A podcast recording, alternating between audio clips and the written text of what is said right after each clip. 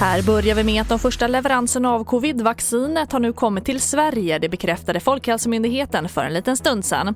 Totalt levereras under helgen doser som ska räcka till cirka 4 900 personer. Och här hör vi vaccinsamordnare Richard Bergström.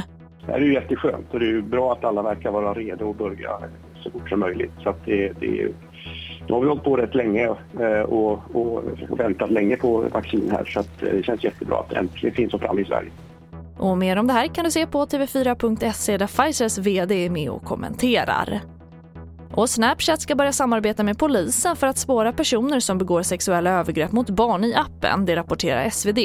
Polisen har tidigare vittnat om att det är svårt att få ut grundläggande kontoinformation från Snapchat som är en plattform där många övergrepp begås mot barn. Och en kyrkklocka från 1600-talet har stulits från Bromma kyrka. Klockan som väger närmare 500 kilo skadades i en brand på 1970-talet och var därför placerad utomhus. Den tros ha försvunnit förra helgen men ännu har ingen gripits. Och enligt Svenska kyrkan har klockan ett stort historiskt värde. TV4-nyheterna, jag heter Charlotte Hemgren.